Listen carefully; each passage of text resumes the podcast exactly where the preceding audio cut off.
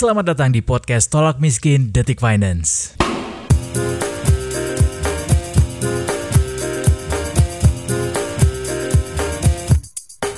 Selamat datang kembali di podcast Tolak Miskin bersama gue Eduardo Simorangkir. Detikers, kali ini gue ingin curhat eh, mengenai keresahan gue akan anak-anak muda yang sekarang lagi getol-getolnya berinvestasi. Tapi sebenarnya bukan resah gara-gara anak muda berinvestasinya sih, lebih karena resah akan uh, dunia hitam gue bilangnya dalam investasi itu sendiri. Dari pengalaman-pengalaman liputan yang gue dapat, ada banyak sekali tipu muslihat yang terjadi di belakang iming-iming uang yang ditawarkan dalam sebuah bentuk uh, investasi sebenarnya. Baik itu yang legal maupun gak legal. Nah, uh, anak muda yang notabene bisa dibilang masih baru dalam dunia investasi, uh, biasanya uh, silau nih gara-gara kemilau iming-iming pundi-pundi yang ditawarkan dalam investasi tersebut. Padahal kalau kita tahu dalam investasi ini uh, ada yang namanya manajemen risiko ya yang harus kita pahami untuk mengelolanya. Nah baru-baru ini nggak uh, baru-baru ini juga sih, uh, gu, uh, gue menemukan sosok yang bisa sharing ke kita semua sedikit banyak sisi gelap dari dunia investasi tersendiri, dunia bisnis beliau adalah TikTokers yang sekarang namanya lagi melambung banget. Apalagi setelah dapat penghargaan kemarin sebagai Best of Learning and Education Creator di TikTok Awards. Keren banget. All the way from his cave. Bareng-bareng sama kita sekarang ada Pak Win di Tolak Miskin.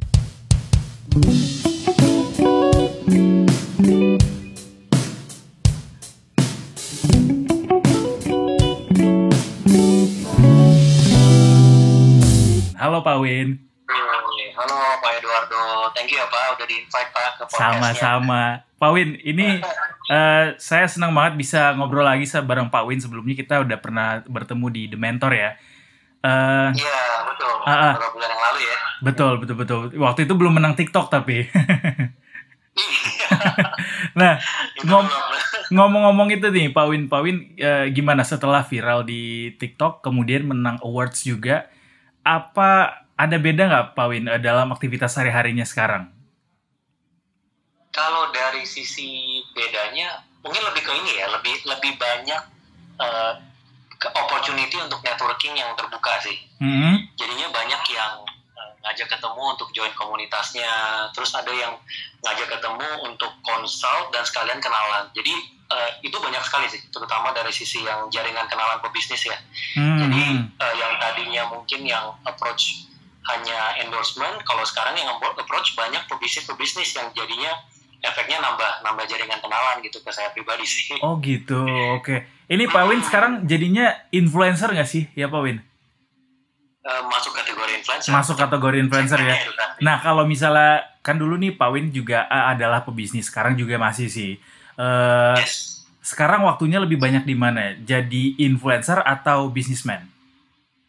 Kalau saya ini sebenarnya nge-sosmed itu tuh saya lakukan setiap malam. Jadi hmm. dulu itu malam kan saya cuma nonton, misalnya nonton Netflix atau nonton YouTube. Nah waktu itu saya ganti dengan mengerjakan konten. Jadi sebenarnya nggak oh. begitu mengganggu waktu di keseharian saya kerja sih. Oke. Okay. cuma nge-replace yang di malam. Oh jadi sekarang kerjanya eh, ya, yang di malam tuh dipakai sekarang buat bikin konten ya? Iya bisa lima jam ya kan terutama sekarang WFA kan lebih sering uh -uh. Uh, di rumah itu waktu kalau misalnya nggak WFA tuh kan banyak waktu yang habis karena macet tuh. Nah pas WFA nih luangnya jadi berasa banget nih terutama pas malam itu hmm. mungkin bisa hmm. lima lima sampai enam jam jadinya bisa hmm. buat hal lain. Tapi pasti jauh lebih sibuk lah ya sekarang ya daripada sebelumnya ya. Eh, dari sisi dari sisi bisnis atau dari sisi dari sisi dari sisi waktu yang terpakai kalau untuk membuat konten masih sama sih karena kan saya hmm. memang setiap beberapa hari ya jadi ketika ada inspirasi saya pikirin nanti setelah beberapa hari saya tuangin ke ke sosmed gitu jadi hmm. hmm. kalau kalau bisnis ya karena sudah mulai rebound jadi kayak tahun lalu kita kan ikat pinggang nih, terus hmm. kita cari pivot, cari industri-industri yang kita bisa masuk, kita pilot project. Tahun ini ada beberapa project yang lagi kita kerjain sih. Jadi udah udah mulai kesibukannya mulai oh, naik lagi sih. Oke oke oke. Pak Win, uh, ini kan kontennya Pak Win namanya Asah Pola Pikir di uh, di TikTok ya dan juga di Instagram. Uh, mungkin ya. sebelum kita masuk ke obrolan kita di episode kali ini, cerita dikit dong Pak Win, uh, kenapa bisa lahir konten Asa Pola Pikir ini? Kalau Asa Pola Pikir ini awalnya dari dari passion saya sih. Saya, saya memang dasarnya tuh suka banget uh, sharing. Mm-hmm. Dari dulu sampai saya jalanin bisnis juga saya sharing terus di internal tiap berapa lama. Terus saya juga nge-push untuk kita bisa ke uni dan kita sharing tentang ilmu bisnis. Hmm. Nah, sosmed ini menjadi satu satu channel bagi saya untuk sharing. Cuman mungkin dengan format yang berbeda ya, ya terutama yang seri-seri Hako gitu sih. Hmm. Itu uh, sebenarnya intinya adalah mengajarkan tapi hanya dengan format yang berbeda aja sih. Hmm. Gitu. Si Hako gitu si ini uh, memang sengaja di konsep atau nggak uh, sengaja bikin kayak gitu terus diminati orang kemudian akhirnya terus-terusan diproduksi dengan konsep seperti itu. Nah, jadi sebenarnya saya, saya kan tipe orang yang benar-benar data driven nih. Jadi hmm. setiap kali ngambil keputusan itu dengan data. Nah, dari awal saya buat uh, masuk ke terutama TikTok ya, masuk ke yeah. TikTok, terus saya sebenarnya udah mencoba dengan berbagai macam format. Mungkin lebih dari 15 ada kali. Jadi setiap format oh. saya cobain. Uh -huh. Terus kemudian saya pantau nih format mana yang engagementnya paling tinggi yang engagement yang nggak tinggi ya saya archive gitu maksudnya oh ini ternyata nggak nggak oke okay nih nah itu terus mengerucut sampai akhirnya tinggal tiga dan akhirnya saya pilih satu nih yang cerita kiri kanan hmm. dan dan ber, dengan berbagai macam ada latar belakangnya konteks musik dan segala macamnya itu yang paling tinggi engagementnya akhirnya saya fokus di sana gitu oh makanya akhirnya uh, lahirlah konsep Hako gitu sih ini yang kemudian diproduksi secara terus menerus ya? Betul betul. Okay. itu setelah uh, pembelajaran data ya. Iya iya iya. Dari semua konten Hako gitu sih ini yang mana yang paling banyak dilihat Pak Win? Paling banyak dilihat paling banyak di share uh, mestinya yang properti ya. Oh yang properti ya? Yang lahan ya? Iya ya. iya yang pemilik tanah terus mau diajak kerja sama terus ternyata di akhirnya dirugikan itu yang paling banyak sih sejauh ini sih Oke oke oke oke. Uh, kita masuk ke topik nih Pak Win. Dari konten-kontennya Pak Win kan kita bisa lihat ternyata uh, ada banyak banget sisi gelap dalam dunia bisnis atau investasi yang ada di sekitar kita. Uh, thank God ada Pak Win yang membuka mata kita untuk bisa aware sama hal-hal ini, makanya langsung di appreciate sama TikTok. nah sekarang sekarang juga kan lagi ramai nih Pak orang-orang berinvestasi di berbagai platform uh, mungkin jadi terlihatnya sangat hype sekarang ini karena uh, kita punya sosial media yang bisa kita ikut rasakan keramaiannya di lini masa. Mungkin juga dulu akan seperti itu kalau misalnya sosial media ada juga ya di zaman dulu ya. Tapi uh, melihat konten yang Pak Win bawa, uh, asah pola pikir. Pola pikir atau logika seperti apa sih Pak yang harus kita punya dalam dunia bisnis supaya nggak uh, terjebak dalam istilahnya dunia hitamnya lah? uh, kalau kalau bisnis lebih ke ini kali ya kita kalau uh, sebisa mungkin ada waktu yang kita alokasikan untuk belajar pengalaman dari orang yang yang udah udah duluan gitu lewat hmm. jalan dari kita hmm. nah, mau mulai bisnis mau bikin PT mau berpartnership dengan orang mau diinvestasi bisnis kalau bisa jangan sampai kita hanya merasa pengapa pengetahuan kita udah cukup gitu kita harus dorong terus untuk bisa ketemu orang yang lebih berpengalaman hmm. supaya uh, kita nggak nggak melakukan kesalahan yang sebenarnya memang bisa kita hindari. Hmm. Itu di mindset itu sih sebenarnya yang paling penting sih kalau misalnya mau mau bisnis ya. Karena kadang celah itu ada aja kita nggak kepikiran di depan sih. Hmm. Kadang kalau kita kayak misalnya partner ya kita ketemu yang intensinya nggak baik, itu tuh celah ada aja. Tapi kalau kita udah tahu, nah kita bisa bisa kunci bisa jaga gitu kan. Tapi itu jatuhnya kita ini nggak pak? Uh, pak uh, jadi terjebak dalam trust isu jatuhnya. Kalau misalnya kita latih latih kritis kita latih nalar kita dalam bisnis apakah itu bisa jadinya bat, apa uh, jebakan sendiri ranjau sendiri jadinya trust isu dalam berbisnis jadi malah takut-takutan gitu pak? Bisa gitu nggak pak ekstrim mungkin bisa ya tapi uh. ini mungkin lebih ke jaga-jaga aja sih, lebih jaga-jaga aja sih. Karena kan hmm. ada problem-problem yang kayak misalnya, misalnya nih, misalnya saya katakan dapat kita ketemu investor bisnis gitu. Yeah. Si investor ini dari awal nggak ada niatan nih eh, sama kita buat invest, dia cuma mau ngorek data. Nah kita nggak ngerti nih data nah, apa sih nah. yang biasanya hmm. kita boleh disclose ke investor. Nah itu kan sebenarnya kita bisa belajar nih dari dari pebisnis yang lain. Nah lebih ke jaga-jaga aja sih, walaupun memang kalau ekstrim jadi jadi parnoan ya tiap kali hmm, ini hmm. ada crash issue. Hmm, hmm, hmm. Itu juga bisa kita pelajari dari film startup ya pak ya? Iya, iya itu bagus tuh filmnya tuh. Oke. Oke oke oke. Uh, saya juga tertarik sama beberapa kontennya Pak Win. Mungkin uh, kita akan ambil tiga topik yang juga pernah disinggung di konten TikToknya Pak Win. Itu ada skema Ponzi, influencer saham, sama bisnis bareng teman. Uh, yang paling menarik adalah sejauh ini uh, dua pertama tadi. Yang pertama itu skema Ponzi. Ini jadi ranjau-ranjau, uh, ranjau Pak di mana-mana sekarang. Uh, pandangan uh, apa namanya Pak Win mengenai fenomena ini gimana? Karena uh, mulai dari kemarin Pak Win sempat bikin konten yang orang kalau lihat iklan uh, kemudian bisa dibayar itu juga skemanya akhirnya dibilang uh, apa di, di dibuka sama Pak Win adalah uh, pon, uh, yang namanya Ponzi. Kalau Pak Win melihat melihat fenomena ini sekarang kan banyak banget nih Pak yang uh, menawarkan iming-iming imbal hasil dengan nonton iklan. Gak cuma satu dua aplikasi doang, ada banyak sekali sekarang. Pak Win lihatnya iya. fenomena ini gimana Pak? Iya sekarang lagi banyak banget ya. Itu bahaya sih sebenarnya inti intinya itu lebih ke masing-masing pribadi itu harus ada pemahamannya sih ya harus mau memahami uh, skemanya dulu sebelum benar-benar uh, jebur gitu. Istilahnya jangan jangan karena teman-teman semua masuk kita masuk.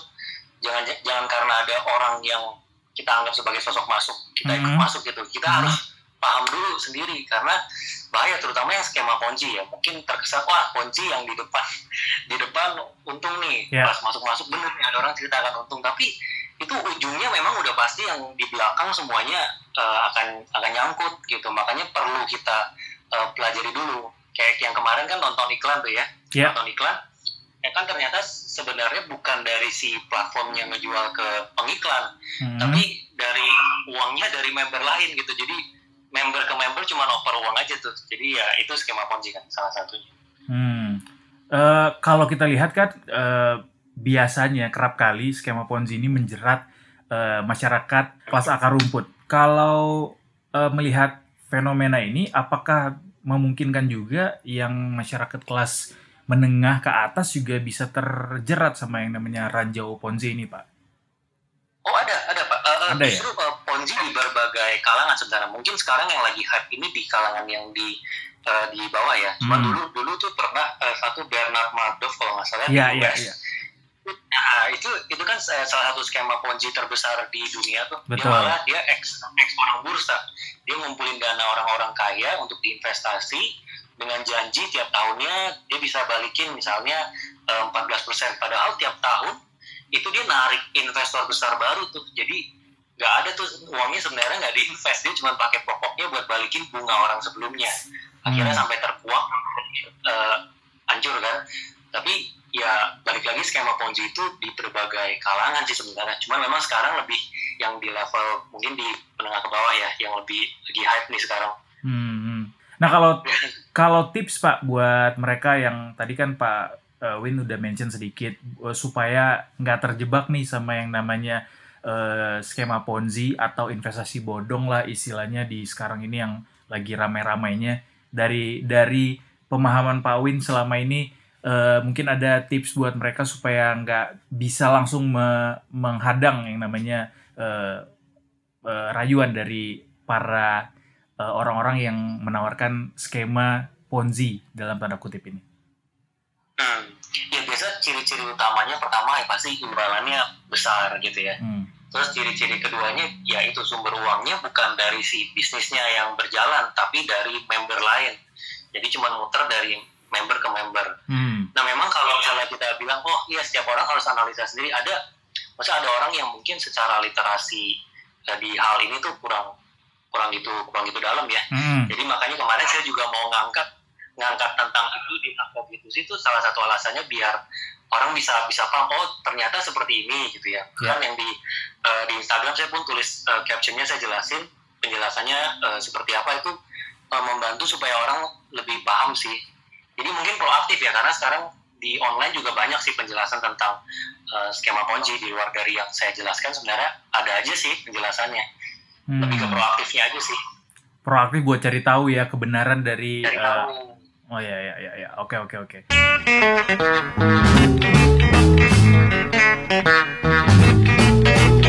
Nah, yang kedua adalah uh, fenomena influencer saham, Pak Win. Ini juga uh, ramai banget sekarang lagi hype-hype-nya. Walaupun juga tadi seperti yang saya sempat uh, mention di awal, mungkin kelihatannya hype karena kita sehari-hari sekarang di sosial media bisa lihat semuanya dan di sosial media terpampang nyata orang-orang pada share bagaimana mereka terjun di pasar modal uh, menunjukkan portofolionya begitu dan juga hadirnya influencer saham nih pak zaman now uh, ini juga jadi satu jebakan gak sih pak? Bisa dibilang jadi satu jebakan juga dalam dunia investasi ketika ada yang namanya influencer saham. Menurut pak Win uh, gimana pandangannya mengenai adanya jebakan dari sang influencer? Bisa kita bilang jebakan lah ya.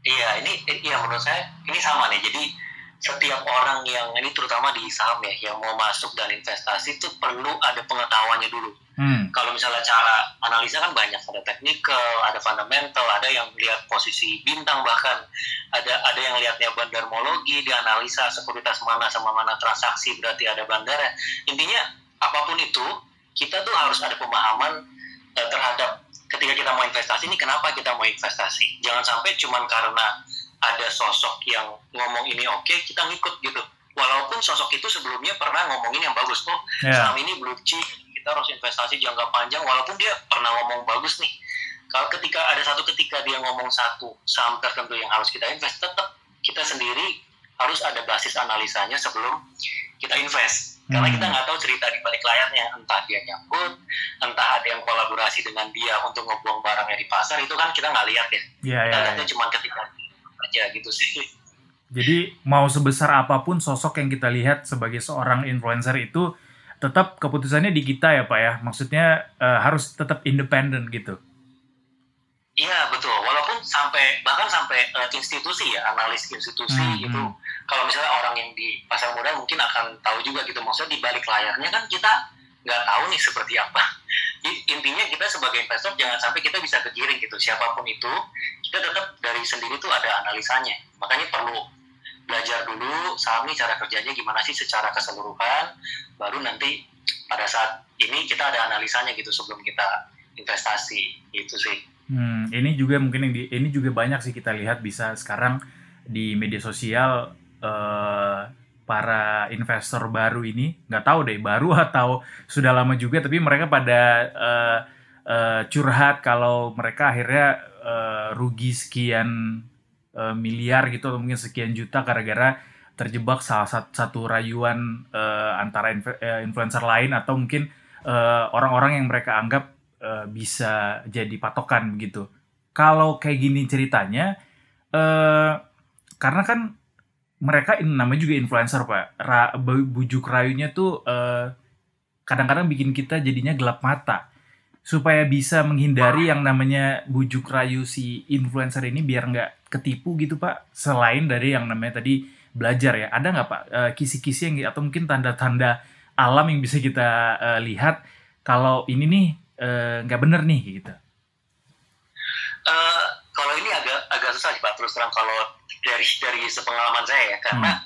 bahkan dari yang uh, influencer yang bener pun yang setiap hari dia ngajarin yang bener ada satu kali itu bisa ada kepentingan yang kita nggak tahu di balik yeah, yeah, yeah. entah dia nyangkut atau apa pun itu ya uh, jadi tetap balik lagi menurut saya tetap kuncinya itu di kita sendiri jadi pada saat kita investasi ada pertanggungjawaban dari analisa kita pribadi hmm. dan enggak walaupun kita ngikutin dia gitu itu ada basisnya terhadap analisa kita sih. Gitu jadi kalau bilang influencer yang mana tandanya seperti apa agak susah sih karena yang bener-bener uh, tiap hari dia ngajarin yang cara-caranya baik terus kadang dia rekomend yang blue chip dia ngomongin yang bagus pun kadang ada kepentingan tertentu yang kita nggak bisa lihat sih pak di balik layarnya gitu sih.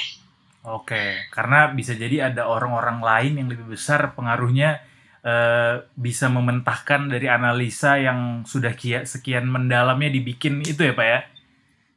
Uh, iya, kayak misalnya analisa teknikal nih. Karena yeah, yeah, juga, yeah. ini salah satu pembahasan yang menarik nih. Orang bilang, oh analisa teknikal itu penting. Nah, kalau saya pribadi sih lihatnya fundamental.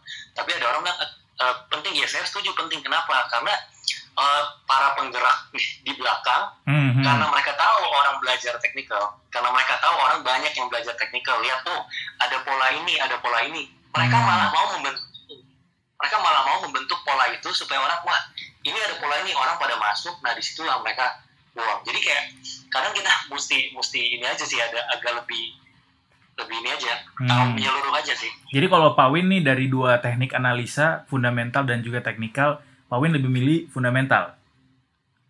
Uh, kalau saya lebih benar-benar invest aja sih, ya hmm. fundamental dan invest. Jadi setiap bulan ada yang saya alokasikan untuk masuk ke blue chip. Karena saya uh, uh, waktu waktu untuk memantau sahamnya kan nggak banyak ya. Okay. Jadi nggak nggak di sisi trading, saya benar-benar cuma invest aja sih. Untuk investasi invest ya, jangka panjang. Ya, ya, ya, betul. betul. Oke. Okay.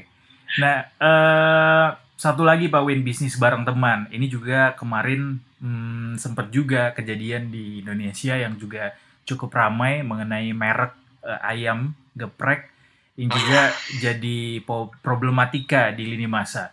Uh, dan akhirnya pada akhirnya banyak orang juga akhirnya curhat dan bertanya-tanya gimana sih supaya bisnis bareng teman tuh bisa secure gitu dan nggak insecure, Pak Win.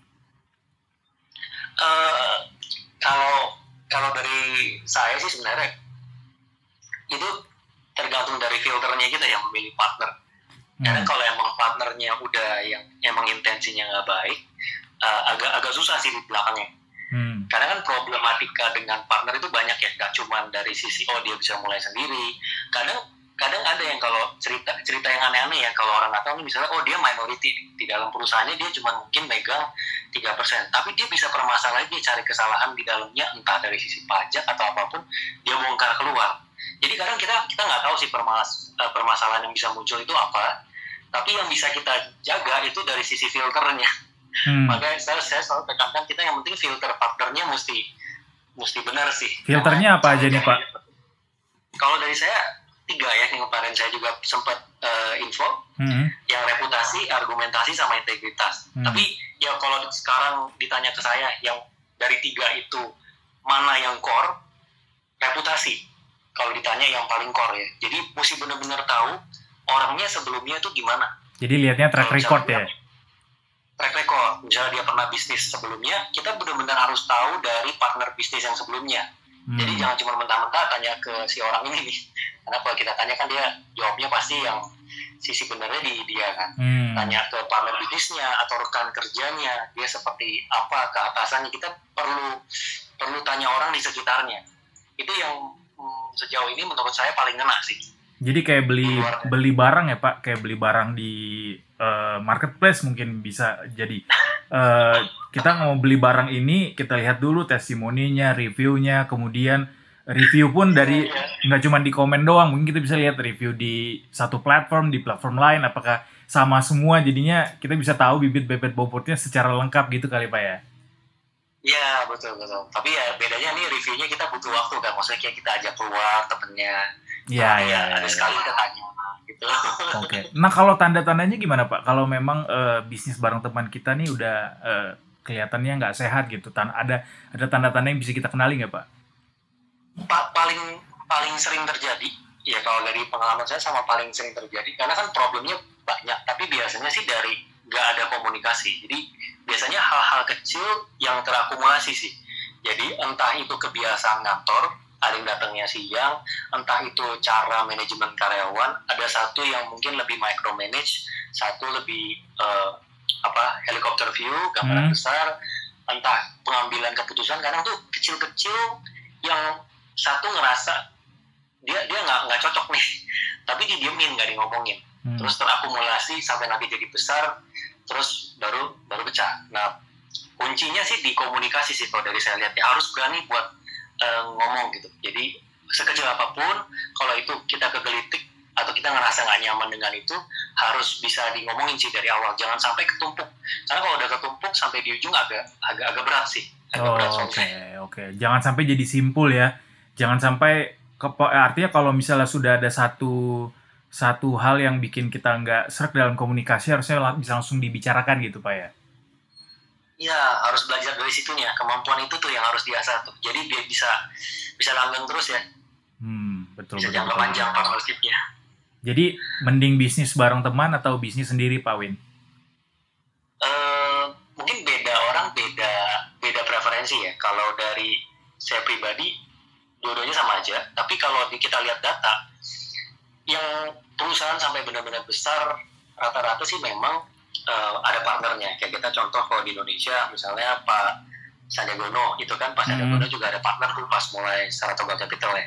Dan yeah. banyak juga pengusaha yang lain.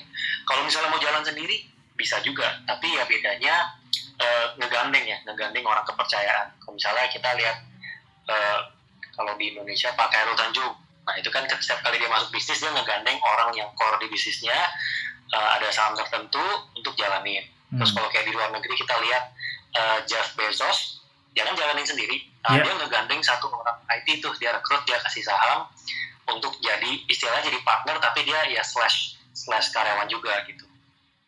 Jadi preferensi masing-masing sih kalau misalnya ditanya uh, lebih bagus mana atau ininya. Tergantung nyaman dan tujuannya kayak apa ya Pak Win? Betul, betul, betul. Okay. Tergantung. Oke, terakhir deh Pak Win, ini uh, buat mereka sekarang para uh, investor-investor muda, anak-anak muda, milenial yang saat ini sedang uh, berromansa dengan yang namanya investasi dan juga bisnis, tips buat mereka supaya nggak dibohongin Pak. Tipsnya uh, jangan langsung, yang mungkin uh, ada dua ya, satu jangan langsung jebur kalau kita belum belajar paling enggak kita ada pengetahuan umumnya menyeluruh terutama kalau saham ya. Teknikal semua yang ada kalau bisa ikutin aja kelasnya jadi kita tahu benar-benar secara umum orang melihatnya angle-nya apa sih. Karena kan setiap teknik itu e, cara pandangnya berbeda. Terus e, yang kedua itu jangan sampai ketika kita mulai invest itu e, satu botol semua dimasukin ke ke investasi kita. Hmm. kita belajar buat bisa bisa tetap manajemen resikonya. Jadi kita alokasi uang yang memang benar-benar ini untuk investasi ya, itu yang digunakan. Jangan sampai karena kepancing gitu ya, baru sekali-kali eh, sekali masuk sebulan dua bulan untung semuanya dimasukin gitu. Hmm. Bahkan sampai ada orang pinjam uang kan, itu benar-benar harus dihindari sih. Oke. Okay. Uh, eh, mungkin satu lagi Pak, saya lupa nih. Satu lagi ya. yang saat ini sedang hype banget juga, Bitcoin. Pak Win ngelihatnya gimana Pak fenomena ini buat anak muda yang saat ini juga lagi rame-rame terjun ke investasi Bitcoin? Uh, ada tips mungkin buat mereka? Uh, kalau dari saya ngelihatnya di dalam portofolio kita untuk aset yang seperti Bitcoin itu seharusnya persentasenya kecil sih, jadi nggak besar mungkin eh, satu sampai lima persen bisa hmm. kita alokasi untuk Bitcoin. Karena kalau dari pandangan saya pribadi sebenarnya nggak ada nggak ada basis untuk dianalisanya nih koin-koin hmm. ini hmm. termasuk bitcoin ya nah, lebih benar-benar ya supply di mana aja hmm. lalu kalau orang bilang oh ada dong pak misalnya di Jepang udah mulai pakai bitcoin nanti misalnya perusahaan ini sudah mulai membuka uh, untuk pakai bitcoin jadi yeah. demandnya akan besar betul itu bisa jadi ini sih tapi bitcoinnya sendiri nggak ada analisa tertentu kan yeah, yeah, untuk yeah. melihat oh ini value-nya di berapa sih yang oke okay. nah untuk uh, karena ini saya, saya pribadi melihatnya ini kan resikonya tinggi. Mm-hmm. Jadi dalam portofolio kita kalau bisa memang persentase kecil, gitu. Ada persentase tertentu yang kita cap karena resikonya tinggi, mungkin 1 sampai lima persen boleh di Bitcoin. Orang yang lebih bisa menanggung resiko lebih tinggi ya mungkin agak tinggi, tapi tetap jangan sampai sebagian atau seluruhnya itu uh, jebur ke Bitcoin gitu sih. Oke, jadi tadi 1 sampai lima persen ya Pak dari portofolio investasi kita ya bisa jadi Bitcoin ini jadi satu konten baru lagi buat Pak Win mungkin ke depan karena ada tipu-tipu di belakangnya nggak tahu juga ya Pak. ada, ada, ada. ada ya Pak. Oke, oke. Siap. Makasih banyak Pak Win waktunya udah mau berbagi sama podcast Solak Miskin. Kita tunggu yeah. uh, konten-konten baru Pak Win di Asa Pola Pikir. Terima kasih Pak. Yes. Thank you juga Pak Eduardo waktunya.